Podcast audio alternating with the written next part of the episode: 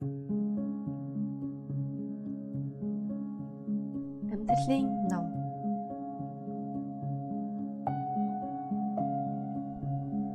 Амьдрал гэдэг агуу том сурах бичгээс сурч судалж яваа бүх хүмүүсийн амьдралыг үзэх үзэл тэр бүр адил байдаггүй. Тиймээс тэр өөр өөр үзэл бодлыг сонсон хамт ярилцах зорилготойгоор бяцхан сониуд зандаа хөтлөгдөн хийж буй ярилцлага хилэлцүүлгүүд маань амьдралын ном подкастаар та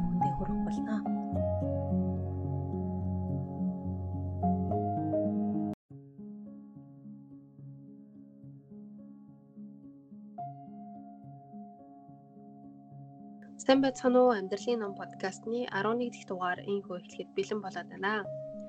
Тэгээд энэ удаагийн дугаараараа уянга болон халуунаа миний би дугаараа эхлүүлэхээр сууж байна. Сайн уу уянга? Сайн уу юу вэ? Тайванда. Энэ өдрийн Тэгээд энэ удаагийн сэдвэрээ уянга битээ хоримтлалт болон санхүүгийн зохицуулалт гих сэдвээр ярилцахаар суугаад байна. Тэгээд хоригдлол үүсгэх хамгийн түгээмэл болон хамгийн үр дүнтэй аргууд ямар аргууд байдаг вэ? Мөн хувийн санхүүгээ эрхэн хэрэгцээтэйгээр зарцуулж бөөсгөх хянах ямар ямар аргууд байдаг вэ гихчлэн а та бүхэнд хэрэгцээтэй байж магадгүй гэд баг зэрэг судалсан мэдээллүүдээсээ та бүхэндээ хуваалцахаар суугаад байна. Тэгээд юу гэсэн энэ сэдвээ эхлэхийн өмнө өөр өөрсдийнхөө талаар хуримтлалаа хэрхэн зарцуулдаг болон санхүүгийн зохицуулалтаа хэрхэн хийдэг талаараа бас багахан мэдээлэл өгвөл дээр байх гэж бодоод уянгаа маань санхүүгээ хэрхэн зохицуулдаг бэ, тооцоогоо хэрхэн хөтэлдэг бэ тэр талаасаа хуваалцаач. Би болохоор ер нь хуримтлалтай болох ч юм уу тийм мөнгө судалсан тулд хамгийн чухал юм нь аль болох өрөхгүй байх нь хамгийн чухал гэж боддог. Тэгэхээр ер нь жоохон дансандаа жоохон хав дараал байхгүй юм шиг бодоод явж ивэл ер нь тэрний хаяраар хэмнэлтэй амьддаг боддог байхгүй. Тэгээд одоохондоо болохоор ер нь бол яг дансандаа байршуулдаг. Тэгээд стадигнда данс нээж агаад тэр дансандаа нөгөө нэг байнгын хөдлөх боломжгүй тийм данс нэгээд тэгээд тэрнээ тэгээд өөртөө илүү гарсан ч юм уу цуглуулах боломжтой ч юм уу тийм өгнүүдээ хийгээд хадгалаад тийм орчинтайгаар явахыг хичээж байгаа. Тэгээд хажуугаар нь бас одоо аппликейшнууд ашиглаад мөнгөө яаж зардгийг тий хаанаас мөнгө орчих, хаашаа хамгийн их мөнгө задлагдчих гэдгээс хажуугаар нь хараад хянаад явах нь зүйтэй. Тэгэхээр би анханаас л тийм аппликейшн зураад тийм аппликейшн хэрэглэж эхэлж байгаа. Аа. Тэмдэг яадаг вэ?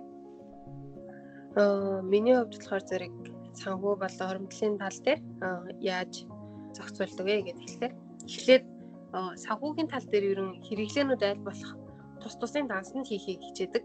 Жишээлбэл одоо заавал гаргах зардч гэдэг юм. Тэнд нь одоо байрны түрээс тогны мөнгө одоо өөр утасны мөнгө гэх зэрэг сар бүр сар бүрийн заавал гарах шаардлагатай хэрэгцээнүүд байдаг тийм тийм мөнгнүүдээ аль болох тусад нь хийгээд тэгээ бусад одоо хэрэглээний мөнгнүүд буюу одоо үлдэгдэл мөнгнүүдээ хоолунд гоо сайхны одоо тийм жижиг хэрэглээний мөнгнүүдэд бас тусад нь даасны хичээдэг. Тэгэхгүй болохоор зэрэг тусад нь хийхгүй байхлаа заавал одоо гарах зарлагнаас үрчих гээд байдаг жоохон сул талтай.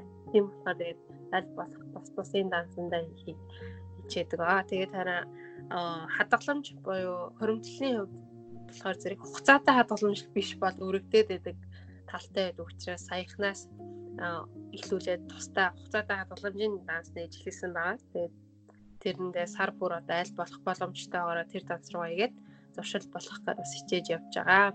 Тэгээд ерөнхийдөө санхүүгээ зэгтлэх тэг болохоор зэрэг одоо гараараа ишлээд бичдэг байсан. Тэгээд ерөнхийдөө саяхнаас нодлон эзэнээс бэ нодлонгоос нэг аппликейшн дээр бичиж хийсэн. Нэр нь болохоор зэрэг Money MGR гэдэг аппликейшн байгаа. Тэгээд тэрэн дээр тухайн сарынхаа орлогоо он сар өдрөөр нь оруулаад тэгээд заавал гарах зарлагнуудтай болохоор зэрэг тухай бүртнүүдээ нэр өгөөд одоо байрны мөнгөчүүд юм тэрнгээр нэрнүүдээ оруулаад тэгээд тэдний өдөр гарна гэдээ оруулаад үлдэгдэл мөнгө нь бодогдоод гараад ирдэг. Тэгээд аль зардалтаа илүү хэн танахаар байна. Эсвэл хадгаламжтай хэдийг хийж болохоор байна гэдэг юм уу. Тэр одоо илүү гарсан мөнгнүүд дээр зохицуулалт хийхэд амар амар байдаг. Тэгээд тэр аппликейшнийг бас санал болгож байна. Миний хувьд болохоор зэрэг нэг иймэрхүү байгаа. Тэгээд би болохоор чиний саяны аппликейшн дээр нэмэлээд өөрийнхөө ашигладаг аппликейшнийг бас танилцуулах гад. Миний за тий ашигладаг аппликейшн маань болохоор Bank Salad гэдэг нэртэй аппликейшн байгаа. Тэгээ энэ нь болохоор хамгийн давуу тал нь гэх юм бол данстайгаа холбогддог байгаа байхгүй юу? Тэгээ данстайгаа холбох юм бол бүх мөнгө нь өөртөө нөгөө нэг бичгээр ирдэг. Тэгээд нөгөө нэг автоматар одоо дэлгүүр бол дэлгүүр, дэлгүүрний зарлах ч юм уу тий. Одоо гоо сайхан бол гоо сайхны зарлах, байр бол байр, утасны мөнгө утасны мөнгө гэх тэр бүгдээрээ автоматар өөрөө орчдөг байхгүй юу? Тэгээд автоматар оронгууд одоо хүмүүс чинь нэрэл жоохон залхуураад юмаа бичихгүй байх магадлал их байдаг учраас энэ нь болохоор автоматар ордог болохоор өөрөө хараад одоо тэрнээсээ зохицуулах юм зохицуулаад явчихдаг болохоор айгу амар гэж бодсон байхгүй юу. Энийг бас ашиглаад үзвэл зүгээр хаа. Би бол ялангуяа бас жоохон э, тийм юмд жоохон муу сул болох тийм автоматар ингээд бүгдийг маань өөрөө хуваарлаад өгчдөг энэ аппликейшн айгу тухтай гоё санагдсан. Зөв зөв. Тэгээд сонсогч болон маань бас аппликейшнуудыг хэрэглээд үзээрэй гэж хэлмээр байна. Аа тэгээд энэ удаагийн подкаст дээр болохоор зэрэг олон хэд хэдэн аргуудыг бид хоёр судалж ирсэн байгаа. Тэгээд тухайн аргуудаас өөртөө илүү тохирох аргыг энэ байныг олоод олж авах байх гэж найдаж байна. Тэгээд та нар маань бас бичиж цэмрэглэх үзэг цаасаа бишдээд анхааралтай сонсоод өөртөө тохирох аргыг нь бас олоод авбал зүгээр хаа гэж бодож байна. Тэгээд бид хоёр ч гэсэн өөрсдийнхөө бас аргыг өшөө илүү сайжруулах тийм бас аргыг тэр дундаас бас өөрсдөө бас олох бах тийм ээ. Яа тэгвэл уянгаа маань ямар ямар аргуудыг судалж ирсэн бэ? Ямар ямар аргуудыг сонсогч олонда түгээхэр ирсэн бэ? Тэр талаараа бас ярилцаач. Би болохоор ер нь бол гурван төрлийн улсын мөнгө хөрөнгөлүүлдэг аргыг судалж ирсэн байгаа. За нэгт нь болохоор еврей байна. За хоёрт еврей хүмүүсийн. За хоёрт нь болохоор германчуудын. Тэгээ хамгийн сүүлийнх нь солонгосны хөрөнгөлүүлдэг аргыг судалж ирсэн байгаа. Тэгээ ялангуяа бас сая сонссон чинь солонгосынх нь арга нь халуунагийн аргатай айгу төстэй санагдлаа. За. Тэгэхээр би эхэлчихье. За хамгийн түрүүнд еврей ус маань болохоор яаж гисэн бэ гэхээр ер нь улс орны хамгийн нэр хүндтэй эдийн засгийн сэтгүүлүүдийн нэг бол Forbes гэдэг сэтгүүл байгаа тийм. За тэгээд энэ сэтгүүлээс гаргасан Америк нэгдсэн улсын Чансаны индексээс хамгийн баян 40 40 хүн нэрлэгдсэн байгаа. За харин тэр 40 хүнээс 21 нь еврей хүмүүс байсан гинэ. За тэгэхээр Америк нэгдсэн улсад одоогоор 8 сая орчим еврейчүүд амьдардаг бөгөөд энэ Америк нэгдсэн улсын хүн амын дөнгөж 2% болох энэ хүмүүс маань улс орны эдийн засгийн хүчний 20% эзэлдэг байгаа. За тэгэхээр еврейчүүд маань Америк нэгдсэн улсын эдийн засаг улс төр тэхэх нөлөө үзүүлдэг бол энэ нь дэлхийг хөдөлгдөг. Байна Америк нэгдсэн улс гэж гэсэн яг үнэндээ еврейчүүд хамгийн их хөдөлгдөг юм уу гэсэн нэг тийм бодлоод орж ирдэг байгаа. За тэгэхээр энэ хүү еврейчүүд маань яаж ийм баян амжилттайгаар ийм нөлөө үзүүлэгчд болсон бэ гэдэг талаар сонирхуулъя. За энэ болохоор нийт 3 нууц байгаа. За эхний нууц нь гэвэл еврейчүүд маань эдийн засгийн боловсролыг бага насаас нь эхлүүлдэг байгаа. За тэгэхээр эртнээс эдийн засгийн боловсролоо еврейчүүд маань их алдартай байсан. Тэгэхээр хүүхдийг бүр 8 сартаагаас нь эхлээд хөл доройгүй байхаас нь гарт нь зоо сатгуулад өглөө оройдоо мөнгөний ханд хийлгүүл сургадаг байгаа.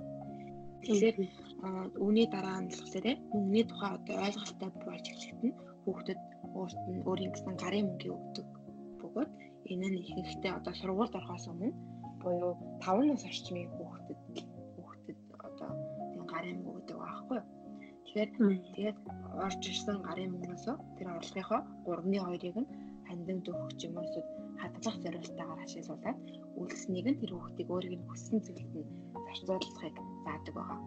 Тэгэхээр энэ эдийн засгийн боловсрол буюу энэ мэдлэг нь эдийн засгийн тухай ойлголтыг айгу байгалийн жанраас орно орж аваад тий эдийн засгийг засгийн мэдлэгийг бий болгож өгснөөр мөнгөн дараа нэг том болсон жилсэндээ зөв ашиглах боломжтой болгож чаддаг байна. За тэгвэл хоёр дахь нууц нь гэвэл мөнгөний мөнгө гүйлэх аргыг бус хүмүүсээс 10 жилийн өмнө эхлүүлэх зааж өгдөг байгаа. Тэгээ энэ нь одоо их сонирхолтой санагдсан. За яагаад гэхээр ерөнхийдөө одоо бүх ихэнх улс орнуудад 20 нас хүрэх юм бол насанд хүрсэн гэж товсдог штеп. Харин еврейчүүд маань болохоор 13 насыг насанд хүрсэн гэж тооцдог юм байна. За тэнгууд нь хүүхдийг 13 нас хүрэхээр нь насны баяр гэх юм те насанд хүрсэн баярыг тэмдэглэж өгдөг. За тэгэхээр энэ нь одоо бараг хурмын яс шиг те бүр гэр бүл хамаатан садна бөөнөрөө яж оролцдог олон нийтийн арга хэмжээ байгаа. Тийм маш чухал. За тэгээд энд хамгийн гол чухал зүйл нь болохоор одоо энэ насанд хүрсэн баярт нь болохоор хүрэлцэн ирж байгаа зочд нь доод нь 200 долларыг хүүхдэд бэлгэлдэг байгаа. За тэгэхээр хэрвээ 100 хүн тэр баярт нь ирсэн тохиолдолд тэр хүүхэд 20 мянган доллартай болж байна гэсэн үг байхгүй юу? Тэгэхээр эцэг нь тэр хүүхдийг ирсэн мөнгөний намсруу мөнгөний хийгээд хадгаламж тий эсвэл тийм юмтай би хадгаламж бий болгож өгөө. Тэгээд тэр хүүхдийг нийгмийн амьдралаа эхлүүлсэн цагт нь буцааж өгдөг байгаа байхгүй юу? Тэгэхээр энэ мөнгө нь өөрөө хүүхдийг их сургууль төгсөөд тий их мөнгө олж ажилд орох хүртэл нь энэ урт хугацааны хөрөнгө оруулалт болж өгч чаддаг байгаа. Тэнгүүд үе эннийхээ үр дүнд нь бусд хүмүүсийн 10 жил ажил ажиллаад олох дайтай мөнгийг тэр хүүхэд илүү хурдан цуглуулж чадаад за мөн бусдаасаа илүү хурдан хөрөнгө оруулалт хийснээрээ илүү их мөнгө цуглуулж чаддаг байгаа байхгүй. Тэгэхээр ийм байдлаараа еврей залуус маань өөрсдөө нийгмийн амьдралдаа тэг мөнгөнд боогдлохгүйгээр бизнесээ эхлүүлэх боломжтой. Мөн дээрэс нь бүр нөгөө нэг энгийн хүмүүс юм болохоор мөнгө олох дарамтнаас айгүй болоод одоо илүү шинэ замыг нээж өгч чаддаггүй. Харин еврей еврейчүүд маань болохоор илүү өсөх боломжийг гартаа авах боломжтой болдог байгаа байхгүй юу. За харин сүүлийнх нь гурав дахь нь болохоор нас баралтын даатгал гэж зүйл байгаа. Энийг хойч үеийнхаа өвийг болгож ашигладаг юм байна. За энэ нь юу гэсэн үг вэ гэхээр одоо жишээлбэл миний элэнц өвөө тий өвөө эмээ ивэ маань манай өвөө эмээ нарт 500 долларыг нас баралтын даатгал хадгалжээ. За тэгсэн чинь тэрнийхээ дараа манай өвөө эмээ маань болохоор манай эцэг эхийн төлөө 100000 доллар хадгалуулжээ. Тэгээ даатгуулжээ. Тэгвэл тэрнийхэн дараа тэр өвөө эмээ хоёрт маань хоёр маань аав ээж хоёрт маань 100000 долларыг хадгалуулад за тэнгууд аав ээж хоёр маань одоо дахиад 20000 доллар болгож даатгуулад тэнгууд би хүүхдийн төлөө тэрийг 1 сая доллар болгоод манай хүүхдүүд маань ач зээ нартаа 10 сая болгож өгдөг ч юм уу тий. Тэгэж нөгөө нэг одоо даамжирсан өв болгож нөгөө нэг хөрөнгөний эргэлтээ бий болгож өгдөг байгаа. Энэ нөгөө нас баралтын даатгал гэдэг маань болохоор хүүхдүүдтэй ямар ч эрсдэлгүйгээр эдийн засгийн аюулгүй боломжийг одоо нээж өгдөг байгаа байхгүй юу?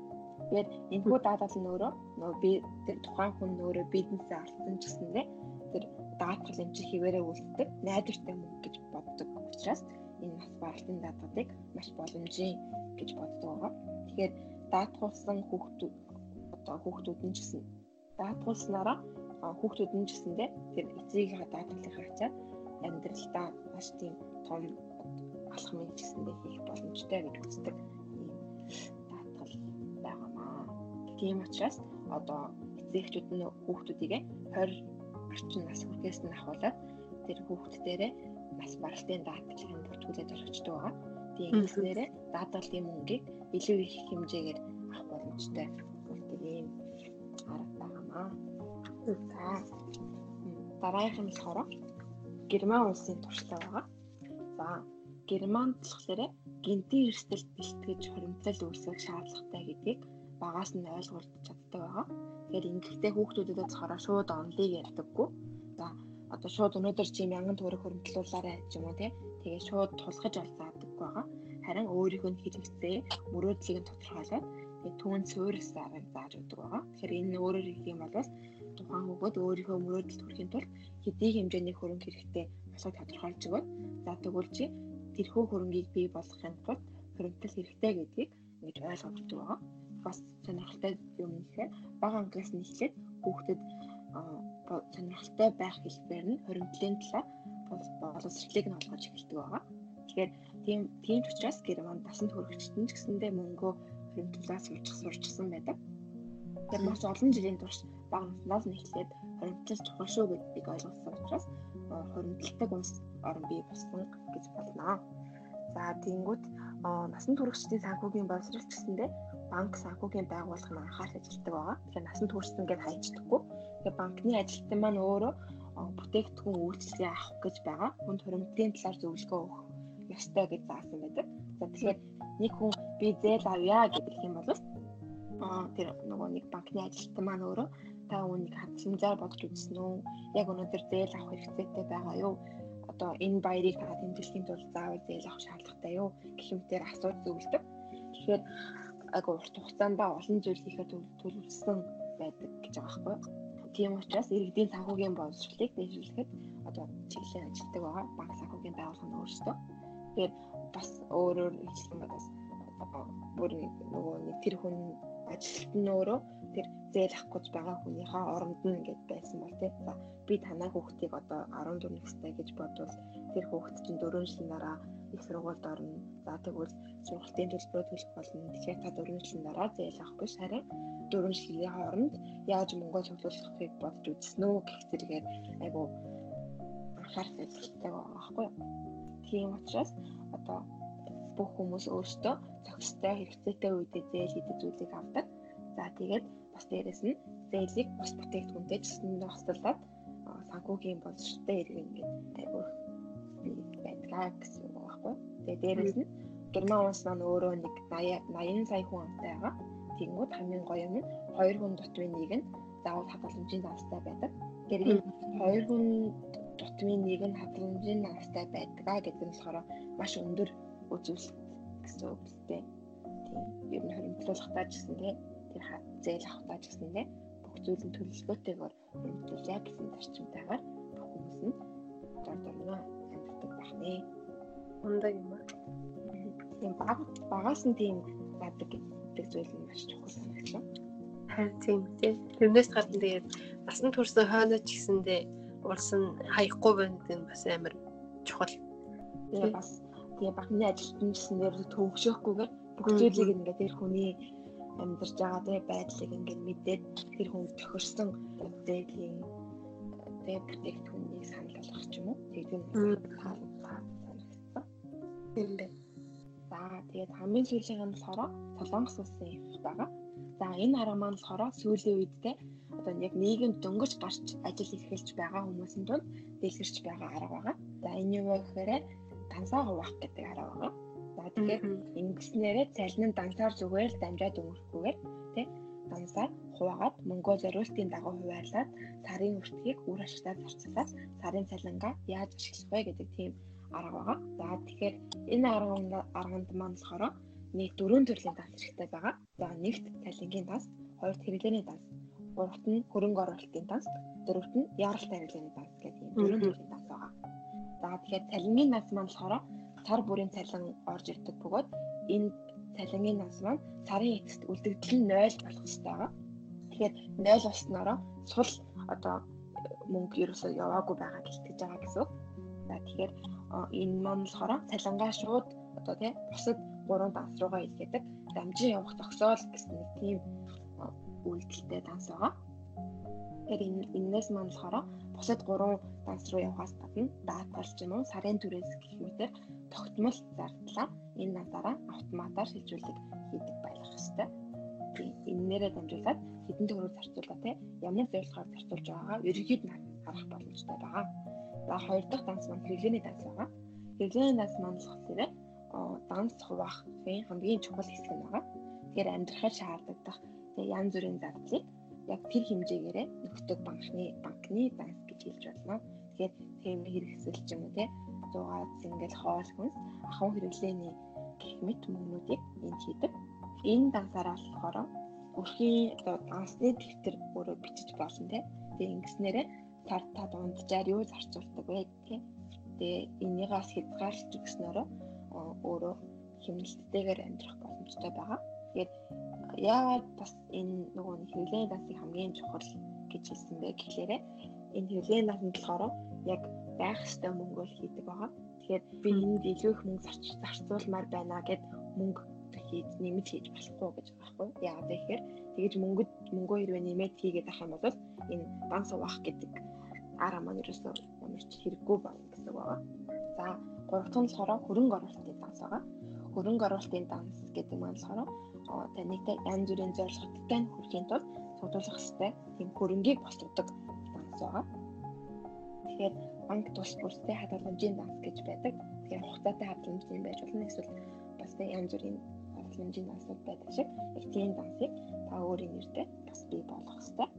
За тэгээд энэ дээр бас нэг чухал юм нэх юм бол та өөрийнхөө зорилгыг те энэ мөнгө хуримтлахаас гадна өөрийнхөө зорилгыг тодорхойлоод за энэ зорилгонд хүрэхийн тулд одоо энэ хэмжээний мөнгө хэрэгтэй юм байна гэд тэр нөгөө хэмжээндээ хүрэх мөнгийг энэ хөрөнгө оруулалтын наасандаа байршуулад хөдөлгөхгүйгээр ингээд өсөх боломжтой.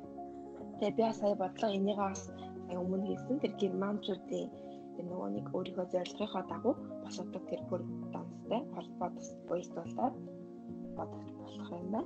За хамгийн сүүлийн нь болохоор яаралтай хэлний данс байгаа. За энэ нь болохоор хамгийн сүүлийн данс байгаа. Энэ нь та яаралтай тохиолдолд ашиглах таны хөрөнгө зөвлөдөг банкны дэвтэр байгаа. За энэ нь яадаг вэ гэхээр ихэвчлэн одоо ашиггүйгээр ч юм уу те гинтийн орлогоо байршуулдаг данс байгаа. Тэгэхээр за гинтийн орлогоо байршуулад ч юм уу те тэгж хийснээрээ одоо таны төлөвлөлөө төлөвлөгөөгөөс гадна янз бүрийн одоо хосол ч юм уу те гинтэл байж болно эсвэл одоо хүн яаралтай бас янз бүрийн асуудал гардаг. Тэгэхээр энэ асуудлуудаа та энэ яаралтай хэрэглэлийн тасаа насаа мөнгө аваад ашиглаж болдог байна.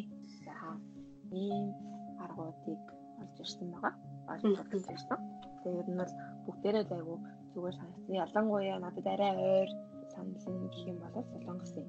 Тийм байх бахаар хамгийн зүгээр санагдсан. Яаралтай ихтэй энэ данс ерөнхийдөө бүх хүмүүс байх нь хэрэгтэй л юм байна. Тэгэхгүй бол манайхан чи ерөн зүгээр хоримтлын данс гэж тусна хийжтэй. Тэгэхээр. Яг одоо хэрвээ хүүхдтэй айлын хүмүүс ахын одоо хүүхдийнхаа ирээдүйн нас ч гэдэм үү тиймэрхүүгээр энэ аргыг бүр дэлгэрүүлээд өөрсдөө таарах хувилбараар бол хэрэглэхэд маш төхөм санагдлаа. Тэгээд голноос яралтай хэрэглийн данс маань яагаад хэрэгтэй вэ гэхээр хөрөнгө оруулалтын данс маань болохоор хугацаатай байгаа учраас тэн дээр хүү бодогдож байгаа байхгүй юу. Нөгөө нэг хүүгээ дундаас нь одоо авчих юм бол хүү нь бодогддог. Бодогддгүй шүү дээ тийм. ийм нөгөө олон данстай байснараа нөгөө нэг хүүгээс авч үлдэн те яаралтай үедээ ч гэсэн хэрэглээг аваад үлдэх боломжтой ийм арга гэж бодлоо. Тийм ээ. Тэгвэл бас нэг ихий дэмий дансандаа мөнгө болгож байгаа хүнээс бас хүү бодогдуулж явал бас уг нь хэрэгцээтэй шүү дээ тийм ээ. Харин тийм жоохон жоохон бас тийм. Дансаа дэж бүр дэлгэрэнгүйгээр олон хуваах хэрэгтэй юм байна гэж бас бодлоо. Харин ер нь их суралцах зүйлтэй байлаа юм байна. Хадунагийн хувьд юу ямар арга судалж ирсэн бэ? Аа миний хувьд болохоор зэрэг нэг нь Японы арга байгаа хамгийн ихнийх нь. Тэгээд эхний арга нь тэр Японы арга нь болохоор зэрэг Kakebo гэдэг арга байгаа. Аа энийг орчуулах юм бол өрхийн санхүүгийн дэвтэр хэмээн орчуулагдсан юм байлээ. Тэгээд энэ аргын талаар дэлгэрэнгүй танилцуулгаар бэлдээд авчирсан байгаа. Энэ арга нь болохоор зэрэг яг санхүүгээ хэрхэн хөтлөх вэ? Санхүүгээ одоо хэрхэн зөв зохистой хөтлөх болон хоримтлалыг хэрхэн үүсгэх вэ, хэрхэн хэмнэх вэ гэдэг тал дээр одоо илүү анхаарч ажилласан тийм арга байсан. Тэгээд энэ аргыг мэддэг хүмүүс бас нэлээдгүй их байж магадгүй Японд суралцдаг хүмүүс ч юм уу эсвэл оримтлалын талаар нэлээдгүй судалсан хүмүүс бол энэ аргыг бас мэдчихэж магадгүй. Гэхдээ мэдгүй нэг нь бас хэрэг болж магадгүйгээд энэ аргыг бас танилцуулахаар сууж байна энэ арга нь болохоор зэрэг анх 1904 онд Японы анхны сэтгүүлч эмэгтэй болох Хани Мотоко гэдэг бүсгүй гаргасан арга. Тэгээ Какебо гэдэг арга нь төсвөө хянах боломжийг бусдад олгохоос гадна зарлагаа хянах болон зорьсон хадгаламжтай хадгаламжиндаа хүрэхтэй туслах зорилготой тэмдэгтэр дээр хөтэлдэг тийм арга байгаа. Аа тэгээд тэмдэгтэр дээр одоо дийлэнх системүүд ерөнхийдөө ухаалаг систем рүү шилжчихэд байгаа ийм нийгэмд яагаад дэвтэр дээр хөтлөх юм бэ гэж асууж магадгүй. Гэхдээ дэвтэр дээр хөтэлдэг арга бол хизээж хуучраагүй, хизээж хоцрогдоогүй арга. Аа тэгээд дэвтэр дээрээ хөтөлснөр та илүүтэйгээр нүдэнд харагдаж байгаа учраас тухайн сарда одоо анализ хийх болон тухайн сарынхаа дүнг харах зэрэг юмнуудад маш дөхүү байх болов гэдэг үднээс энэ аргыг бас танилцуулахаар шийдсэн байна. За энэ арга нь эхлээд хэрэглэгчдэд дөрвөн асуултыг асуултанд хариулахыг хүсдэг байгаа. Тэгээд тухайн одоо дөрвөн асуулт нь юу вэ гэхлээр хамгийн эхлээд та хэдэн төгрөг зарцуулах шаардлагатай вэ? Буюу энэ зайлшгүй зарлагууд. Тэгээд хоёрдугаарт нь та хэдийг хэмнэхийг хүсэж байна вэ? Гуравдугаарт нь та хэдэн төгрөг зарцуулж байна вэ? Тэгээд дөрөвдүгээрт нь та дараа сард зарцуулалтаа хэрхэн сайжруулах вэ гэсэн дөрвөн асуултыг асууж эхэлдэг байгаа. Энэ асуултуудыг өөрөөсөө та асууснаар мөнгөөрөө юу хийж байгаагаа сайтар бодож болно бодож мөн цаашдаа хэрхэн төлөвлөх талаараа тунгаснаар та санхүүгийн зуршлаа өөрчилж зорилготой хүрэх боломжтой болно нэмэн бичсэн байлаа. За тэгээд Какебо гэдэг арга нь зүгээр энгийн дэвтэр боловч та санхүүгийн зохицуулалтанд нэлээд чухал нэмэр болох болов уу гэж найдаж байна. Тэгээд уг арга нь ерөнхий дүр зураг буюу жилийн тойм тэрнээс доошлоод сарын тойм зардал болон орлогоос ихсүүлээд өдөр тутмын тутмын жижиг зардлуудыг хянах боломж олгодог байгаа. Тэгээд хамгийн ихний алхам гэх юм бол жилийн тойм байгаа. Үүнд нь болохоор зэрэг нийт одоо та тухайн жилдээ ямар ямар төлбөр тооцоонууд байгаа вэ? Болон одоо төлөгдөж дуусаагүй одоо тооцоонууд одоо үүнд нь машины лизинг ч юм уу, байрны лизинг ч юм уу нийт одоо том төлбөрүүдийг бол энэ гисэн зэгцэлж жилээр нь одоо тоймлоод гаргах тийм хэсэг байгаа. А түүний дараа 2 дугаар алхам нь болохоор сарыг сарын зарцуулалтын төлөвлөгөө гэсэн хэсэг байгаа. Энэ хэсэгт нь бас мөн адил өөрөөсөө та хоёр асуултыг асууж эхлэх байгаа. Нэгдүгээр асуулт нь танд энэ сар тухайн сар хэр хэмжээний мөнгө орж ирэх вэ гэсэн асуулт байгаа. Аа буюу энэ асуулт нь болохоор зэрэг мэдээж ойлгомжтой. Тухайн сарын орлогын их үүсвэрээ бичих тийм ээ. Тэнгүүтлээ одоо орлогын их их үүсвэр бүрийг одоо тодорхой тэмдэглэх хэрэгтэй. Хаанаас орж ирж байгаа вэ? Одоо жишээлбэл цалин эсвэл нэмэлт орлого эсвэл одоо нэмэлт цалинчуд их мэдчлэн тухайн орлогоо тодорхойгоор бичиж тэмдэглэх хэрэгтэй байгаа. А тэгээ мэдээж нийт дүнгийг бодож гаргана. А тэгээд хоёрдугаар асуулт нь болохоор зэрэг хэр хэмжээний зарлага гаргах вэ тухайн сард гэсэн асуулт байгаа. Энд нь бол мэдээж ойлгомжтой тийм байрны түрээс одоо төлбөр ус цахилгаан юу гэдгийг ашиглалтын зардлууд мөн эрүүл мэндийн даатгал нийгмийн даатгал утасны төлбөр лизингийн төлбөр гэх мэт тогтмол зардлуудаа бүгдийг бичиж тэмдэглэх хэрэгтэй байгаа. А тэгээд дараа нь болохоор зэрэг энэ сарын хувьд хуримтлалын зорилгоо бодож үзэх шаардлага тулгарна тань. Нөгөөдлөө та хэдийг хэмнэхийг хүсэж байгаа бөгөөд одоо хэрхэн юу хаанаас нь хэмнэх вэ гэдгийг бас тодорхойлох хэрэг гарна энэ нь болохоор зэрэг хуримтлалтай хэр хэмжээтэй мөнгө хийх эсвэл хуримтлалаа яг юунд зорж хуримтлалаа бүрдүүлэх гэж байгаа вэ гэх мэт шин дэлгэрэнгүй тайлбарыг бас бичих шаардлагатай. За дараа нь боломжтой байгаа хэсгээс нь одоо зарим илүү хэсэг гарна шүү дээ. Одоо жишээлбэл хэрэглээний мөнгөн дээр энэ хэсгээс нь хасч болохоор юм байна гэдгийг тэр хэсгүүдийн танд харах болон дүгнэх боломж гарна. Тэнгүүтээ сар бүрийн одоо тухайн сарда хэрэггүй байсан зардлуудаа багасгаад хуримтлалаа ихсгэж байд юм уу? Тийм боломж бас гарна гэсэн үг ээ. За тэгээд энэ хэсэгт болохоор зэрэг зөвхөн зогтмол зардлаа бичсэн байгаа гэдгийг санах хэрэгтэй. Харин дараагийн хэсэгт нь болохоор зэрэг хүнсний зүйл үү, хувийн артаа арчилгаа, хаяад одоо кино үзэж байд юм уу те гэх мэтийн одоо урсгал зардлуудыг төсөөлөөгүй байгаа. Тэгээд тэр нь дараагийн алхам дээр төсөөлөх хэрэг шаардлагатай болно. Тэгээд 3 дугаар алхам нь болохоор зэрэг 7 хоногийн зарцуулалтаа төлөвлөх буюу саяны хийсэн зарлагуудыг бичиж тэмдэглэх хэрэгтэй байгаа. Тийм ямарваа нэгэн их бага хэмжээгээр гарсан одоо бүх зардлуудыг бичиж тэмдэглэх хэрэгтэй гэсэн. Нөгөөдлөө энэ нь болохоор зэрэг танд төсвөөд зэгцлэх тийм боломжийг бүрдүүлж өгч байгаамаа. Тэгээд энэ юу нь болохоор зэрэг уянгагийн дээрийн бас дөрөвний дөрвөн арга дөрвөн хэсэг хуваадаг дансаа гэсэн шүү дээ тийм ээ. Тэрнтэй бас төстөөгөө зардлуудаа дөрвөн хэсэгт бас хувааж үздэг байгаа. Тэгвэл хамгийн ихнийх нь хэсэг нь болохоор зэрэг зайлшгүй шаардлагатай зарлага буюу мэдээж хоол хүнс ахуйн хэрэглээ одоо нойлын цаас шампунь юу гэдэг тиймэрхүү одоо амьдралын одоо хэрэгцээтэй зүйлсүүдийг жигсааж бичих хэрэгтэй. Аа тэрний дараагаас хүсэмжит хэрэгцээ гэсэн хэсэг байгаа. Энэ нь болохоор зэрэг одоо таалагдсан хугацаа дараа сард аавн ч гэдэм энэ сард аавндаа гэж төлөвлөсөн хугацаанууд байдаг дээ. Эсвэл одоо гуртаа хоол авнаа эдэн ч гэдэм үү тийм одоо зайлшгүй бус хэрэгцээнүүдээ энэ хэсэгт оруулж бичих хэрэгтэй байгаа. Аа тэрний дараагаар урлаг соёлын хэрэгцээ буюу ном худалдаж авах ч гэдэм үү найзуудтай кино үзэх эсвэл музейд очих одоо драм, жүжиг үзэх гэх мэтчлэн урлагийн одоо урлагийн холбоотой зардлуудыг энэ хэсэгт бичиж жигсааж өгнө. Тухайн сар тухайн 7 хоногт юу юу хийх гэдгээ. Тэрний дараагаар гинтийн буюу төлөвлөөгүй зардал байгаа. Энэ нь болохоор зэрэг одоо жишээлбэл хин нэгэнд бэлэг сэлт авах эсвэл одоо таны машинд одоо засвар шаардлагатай болох эсвэл имчилгээний зардал ч үгүй юм уу? Тооцоолоогүй гинтийн зардлуудыг болохоор зэрэг энэ хэсэгтээ багтааж бичнэ. За тэгээд 7 хоног бүрийн одоо зардлаа ийхүү ялгаж бичснээр хэрэгцээгүй зардал болон хэрэгцээт зардлаа хянаж хаана их мөнгө гарч байгаа зэргийг хянснаар дараа 7 хоногоос нь эсвэл одоо зардлаа танах юм уу эсвэл санхуудаа илүү нэгтгэн ба хатан туснаа гэсэн мэлээ. За тэгээ хамгийн сүүлийн алхам буюу дөрөвдүгээр алхам болохоор зэрэг сар бүрийн дүн хэмжээ хийх алхам байгаа. Энэ нь болохоор зэрэг сарын сар бүрийн эцэс тухайн сарын турш хийсэн зарцуулалт болон хэмнэлтэд тооцож үзэхээс эрэхтэй хэсэг байгаа.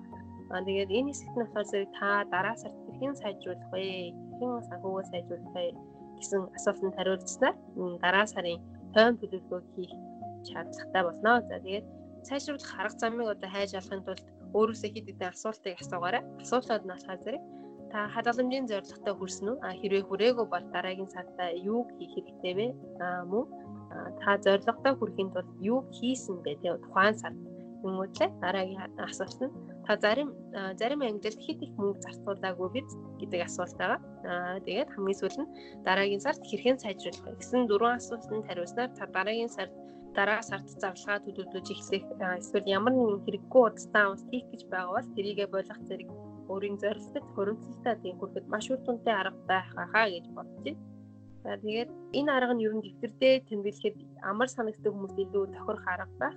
Тэгээд одоо э, дээр бас түрүүний хэлсэнчлэн ухаалаг 900 хийсэн. Тэгээд тэгсэн ч гэсэндээ үзэг дэвтэрний систем бол хизээж мартагдаагүй хаягдаагүй байгаа гэдгийг бас бодоорой. Аа тэгээд үзэг дэвтэр дээр ингэж сар бүрийнхээ орлогыг ингээд дүгнэж сар бүрийнхаа зарлагыг дүгнэж бичснээрээ танд илүү одоо тэдэр дээрээс илүү хараад илүү их хэрэгцүүлэн бодлох дүгнэлт хийх боломжийг танд олгох болохоор энэ арга бас нэлээдгүй дуртай арга байхаа гэж бодож байна. Тэгээд хүүхдүүдтэй ч гэсэндээ хэрвээ иймэрхүү аргуудыг бичиж тэмдэглэх аргуудыг зааж өгснөрөө ирээдүйд бас хүүхдүүд тань бас зарлага зарцуулж зохицуулж чаддаг, орлогоо зохицуулж чаддаг, хөрөмжлөлтөө бас үүсгэж чаддаг болох байх гэж бодож байна. Тийм. Тэгээд энэ Японы арга болохоор тэр над нэвтэр дээр бичдэг нь бас амар таалагдсан. Нэвтрэн Монголд ч гэсэн барыг зардж байгаа хаа. Энд ч гэсэн байдаг юм байна лээ. Эсвэл хэрвээ энэ аргыг хөтлөхийг хүсэж байгаа юм бол зүгээр Kakeibo гэдэг энэ систем гээд хайх юм бол дэвтэрний одоо хөлбөрүүд нь татаж авах хэлбэрээр бас байд юм байлээ. Тэрийг татаж аваад бас туршиж үзэхэд илүүдгүй арга баха гэж байна. Тэгээд дараагийн арга нь болохоор зэрэг та одоо энэ энэ арга нь болохоор зэрэг ерөнхийдөө таны зарцуулалт болон орлогон дээр үндэслээд хийсэн арга байсан бол дараагийн арга нь хэрхэн зарцуулах бол илүү үр дүнтэй одоо хэрэглээгээ зохицуулж хуримтлуулж хуримтлал үүсгэж чадах вэ гэсэн асуултан дээр илүү их төвлөрсөн тийм арга байгаа. Энэ аргын нэр нь болохоор зэрэг 50 30 20% одоо төсвийн зарчим гэдэг нэртэй арга байгаа. Тэгээд энэ аргыг MSN Money-гийн Elizabeth Warren гэх эмэгтэй анх өөрийн номон дээрээ танилцуулж ихснээрээ энэ арга нэлээд олонд түгээгдсэн гэж хэлж байна. Тэгээд энэ арга нь болохоор зэрэг үндсэн орлогыг нэг 3 хэсэг хуваадаг. Үндсэн орлого гэдэг нь одоо татварч гэдэг юм ямар нэгэн юм байхгүйгээр таны гар дээр цэвэр бууж байгаа орлого гэсэн. А тэгээд 3 хэсэгт хувааж үздэг гэсэн байгаа. Тэгээд үүнд нь болохоор зэрэг бас өмнөх аргатай бас нэлээд төстэй арга байсан. Гэхдээ яг тэд хэдэн хувь гэж хийсэн нь болохоор зэрэг амар яг зохицуулахад одоо зарлага орлогоо зохицуулахад нэлээд дөхөм санагдсан. Аа тэгээд энд нь тэр гурван хэсэгт хуваадаг хуваадаг гэсэн. Тэр гурван хэсэг нь болохоор зэрэг нэгдүгээрт нь шаардлагатай хэрэгцээ нь 50%, аа тэгээд хүсэмжит хэрэгцээ нь 30% болон аа тэгээд хуримтлалт 20%-ийг ногдуулна гэсэн зарчимтайгаар явагддаг систем байгаа. Ерөнхийдөө ингээд харангуут ерөнхийдөө тодорхой болж байгаа ах яа ямар систем бэ гэдг нь тэнгуүтлээ энэ аргыг одоо арай дэлгэрэнгүй танилцуулах юм бол энэ аргын дараалалд нь болохоор зэрэг эхлээд үдээж нийт цэвэр орлогыг тооцоолно. Тэр нь одоо тэр татварч байд юм уу бусад юунууд хасагдаад цэвэр таны гар дээр байж байгаа бууж байгаа мөнгөнд өнгөсөг. Аа тэгээд хоёрдугаарт нь сар сарын бүх зардал зардлаа нэгийг ч орхитуулахгүй болж хязгааж бичсэн гэсэн байлаа. Энд нь бүх зардлаа бичих хэрэгтэй. За тэгээд тэрний дараагаар мэдээж одоо саяны тэр бичсэн зардлуудаа нийт орлогоос хасаад таны орлогоос хідэрч байна уу эсвэл бага байна уу гэдгийг энэ шалгах хэрэгтэй.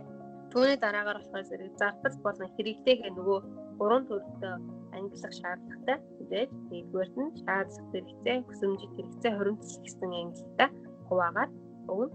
А тэгээд мэдээж тэр гурван ангилагдсан хэсгийгээ тус тусд нь нийлбэрийг нь олоод тавих ба. Тэгээд англи бүрийг одоо нийт орлоготой хувааснаар нөгөө 50% болон 30%, 20% таа хүрч байна уу гэдэг хэсгийг нь ихтэл шалгана гэсэн. Тэгээд аль хэсэгт илүү эсвэл аль хэсэгт дутуу эсвэл байна вэ гэдгийг хянаад нэмэлт хуваалцтай хийн гэсэн. За тэгээд гурван ангилалдаа тус тусд нь ингээд аваад үзье л да. Хамгийн эхлээд шаардлага хэрэгтэй 50% байна гэсэн чинь тийм ээ. Үүнд нь болохоор зэрэг мэдээж нөгөө нэг өмнө нь ч гэсэн ярьсан хэрэглээний зардал нөгөө байр, дулаан захиргаан гэх мэт хоёрдугаарт нь дараа нь лизингийн төлбөр, тээврийн зардал, машин энэ нь болохоор зэрэг машины төлбөр, автобус, автобусны зардал гэх мэт. Тэгээд эрүүл мэндийн үйлчилгээ одоо орно. Мөн даатгал, үндэн, машин, эрүүл мэнд, нийгмийн даатгал зэрэг. Тэгээд хүнсний зардал хүүхдэд гаргах гаргах зардалч байд юм уу эсвэл энгийн хэрэглээний одоо шаардлагатай хувцас гундар гих мэтчлэн амьдрал одоо зайлшгүй шаардлагуудыг энэ хэсэг энэ хэсэг буюу шаардлага хэрэгцээний 50% оруулж бичнэ гэсэн. Аа тэгээ мэдээж эдгээр зардалууд одоо таны цэвэр орлогын 50%-аас хэврэхгүй байх гэдгийг санаарай. Тэгээд хэрвээ 50%-аас их байгаа бол таны хэрэглээ хэд өндөр байна гэсэн. Аа жишээлбэл одоо энгийн хувцсны хэрэглээч үү юм хүмүүсний хэрэглээ гэх зүйлүүд дээр та танал хийж байж танал хийх боломжтой байтал энийг одоо хит өндөр үнэтэй авдаг ч гэдэг юм уу тийм байдлаар ажиглагдж байгаа гэсэн үг. Аа тэгээ хэрвээ эдгээр зардлууд нь одоо 50%-аас их гараад нилээдгүй их гарсан тохиолдолд таны чөлөөт цагаа сонирхолтой өнгөрүүлэх тийм боломжтой буурж байна гэж бичсэн байлээ. Ингээд жишээлбэл одоо хүссэн номоо авч чадахгүй юм уу эсвэл зарлага зарлагтай баригдаад тийшээ өгсөн аялалдаа явж чадахгүй ч гэдэг юм. Энд ерөнхийдөө өөрийн таны одоо бусад чөлөөт цаг нэлээдгүй багасж байна л гэж ойлгоорой гэсэн байна. Тэгээд химнэх аргуудыг бас бичсэн байсан. Тэгээд химнэх аргуудаас нь бас хуваалцах юм бол нэгдүгээр та хувцсанд хэд их мөнгө зарцуулаад байгаа юм шиг үстэй гэсэн асуулт байсан. Тэгээд сайн бодоод үзээрэй. А хэрвээ та үүнийг одоо хүлээн зөвшөөрч байгаа бол утасны төсвөө бууруулад үзэх хэрэгтэй гэсэн мэлээ эсвэл одоо байр ашиглалтын зардлаа хэмнээд одоо хэрэггүй үед халаалтаа унтраад гэж байд юм уу эсвэл зуны тохиолдолд aircon эсвэл sense гэдэг юм уу тийм тог одоо хэрэггүй тогны зардлаа бас багасгаад хөвших хэрэгтэй. Ч одоо халаалт болон тог захиргаа усны зардлыг хэмнэх боломжтой гэж хэлсэн байлаа. А түүний дараагаар болохоор зэрэг тээврийн зардлаа та бас мөн хэмнэж болно. Энд нь одоо жишээлбэл хэрвээ та бензин иддэг машинтай байх юм бол бензин бага иддэг машинаар солих юм уу? Эсвэл бүр хямд хямд хэрвээ байх юм бол нийтийн тээвэр ашиглах байх юм уу? Эсвэл одоо ажил гэр сургуультай нэг одоо ойрхон байх юм бол шаардлагагүй тохиол заавал одоо нийтийн тээвэр гэдэг юм машин ашиглахгүйгээр алхаад орчих боломжтой бол алхахыг бас санал болгож ялээ. Ингэснээр та тээврийн зардлаа хямдж байгаа гэсэн. Түүний дараагаар болохоор зэрэг хоол хүнсэндээ нэг анхаарлаа бас төвлөрүүлээд үзээрэй гэсэн мэлээ. Хоол одоо бол бидний мэддэхгүйгээр урсан гарч идэг бас нэлээд хэмжээний зардч үү те. Тийм. Тэгэхээр одоо гадуур байн хоолтгүйгээр арай хямдгүйгээр одоо ирүүлээд гэртээ хийгээд одоо төсөө хангалттай бууруулах бууруулах боломжтой гэж хэлсэн байсан. Тэгээд эдгээр одоо дөрвөн одоо химнэх аргуудыг да химнэж үзээд тухайн одоо шаардлага хэрэгцээгээ 50% нь бас аваач чадах байхаа гэж бодож байна. Тэгээд тэрний дараагаар болохоор зэрэг нөгөө хүсэмжит хэрэгцээ 30% гэсэн шүү дээ тийм ээ энэ хэрэгцээ нь болохоор зэрэг танзаглал гэж бий болгоорой. Энд нь болохоор зэрэг зүгээр таны нэмэлт хэрэгцээнүүд нь орж байгаа. Жишээлбэл одоо кабель, интернетийн төлбөр, эсвэл одоо Netflix гэдэг юм уу, бусад одоо кино үздэг цогцуудын төлбөр, хин нэгний одоо төрсөн өдөр дөрөгдөөд бүгд одоо бэлэг авч очих, эсвэл одоо хормон дөрөгдөөд бэлэг авч очих гэдэг юм уу? А мөн одоо амралтаар явах зардал эсвэл нөө нэг хийсэн чинь гадуур кино үзэх дөр драм юу гэдэг бүгдийг үзэх тиймэрхүү зардлууд нь энэ зардал багтж байгаа. Аа тэгээд эдгээр хэрэгцээр болохоор мэдээж одоо таналт хэрэгтэй болохлаах гэж бодож байна. Аа мэдээж одоо үндсэн ордын 30%-аас илүүдгүй байх ёстой учраас та хэрвээ бичээд үзэхэд 30%-аас их байх юм бол та нэлээдгүй бас өндөр хэрэглээтэй хүн байна гэж өөрийгөө дүгнэх хэрэгтэй гэж хэлээ. Аа Тэгэхээр хэрэгцээнүүдийг бууруулахад таны амьдралд ямар ч асуудал тулгархгүй. Тийм учраас бууруулахад бити айгаараа тэгээ бууруулж 30% өргөхийн тулд зарим нэг хэрэгцээгээ бас танаад үзээрэй гэснийг бас танаад үзэхэд буруутахгүй шүү гэдгийг бас зөвлөж илээ. Харин хамгийн сүүлийнх нь болохоор зэрэг хөрөмжлийн 20% гэсэн байсан тийм ээ.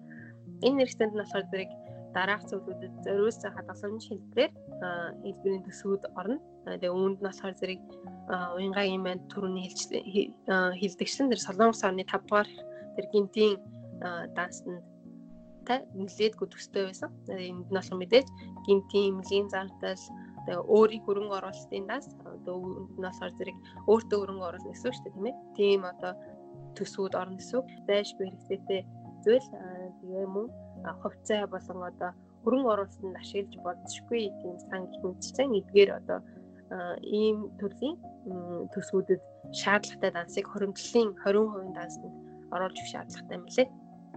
Энэ нь болохоор зэрэг гэр бүлийн таны болон одоо гэр хэрвээ гэр бүлтэй хүмүүс ах юм бол таны гэр бүлийн одоо аюулгүй байдлын эсвэл одоо таны ирээдүйдээ хөрөнгө оруулалт болох данс учраас энэ 20%-ыг хэрэгжүүлэх хэрэгтэй байхаа гэж бас зөвлөж байна. Дараа сараас хийхгүйгээр яг одооноос өөртөө тохирох арга тий санхүүгээ болон төсвөө зохицуулаад үзээрэй гэж хэлмээр байна. За тэгээд миний бэлтгэжсэн хоёр арга маань энэ хоёр арга байгаа.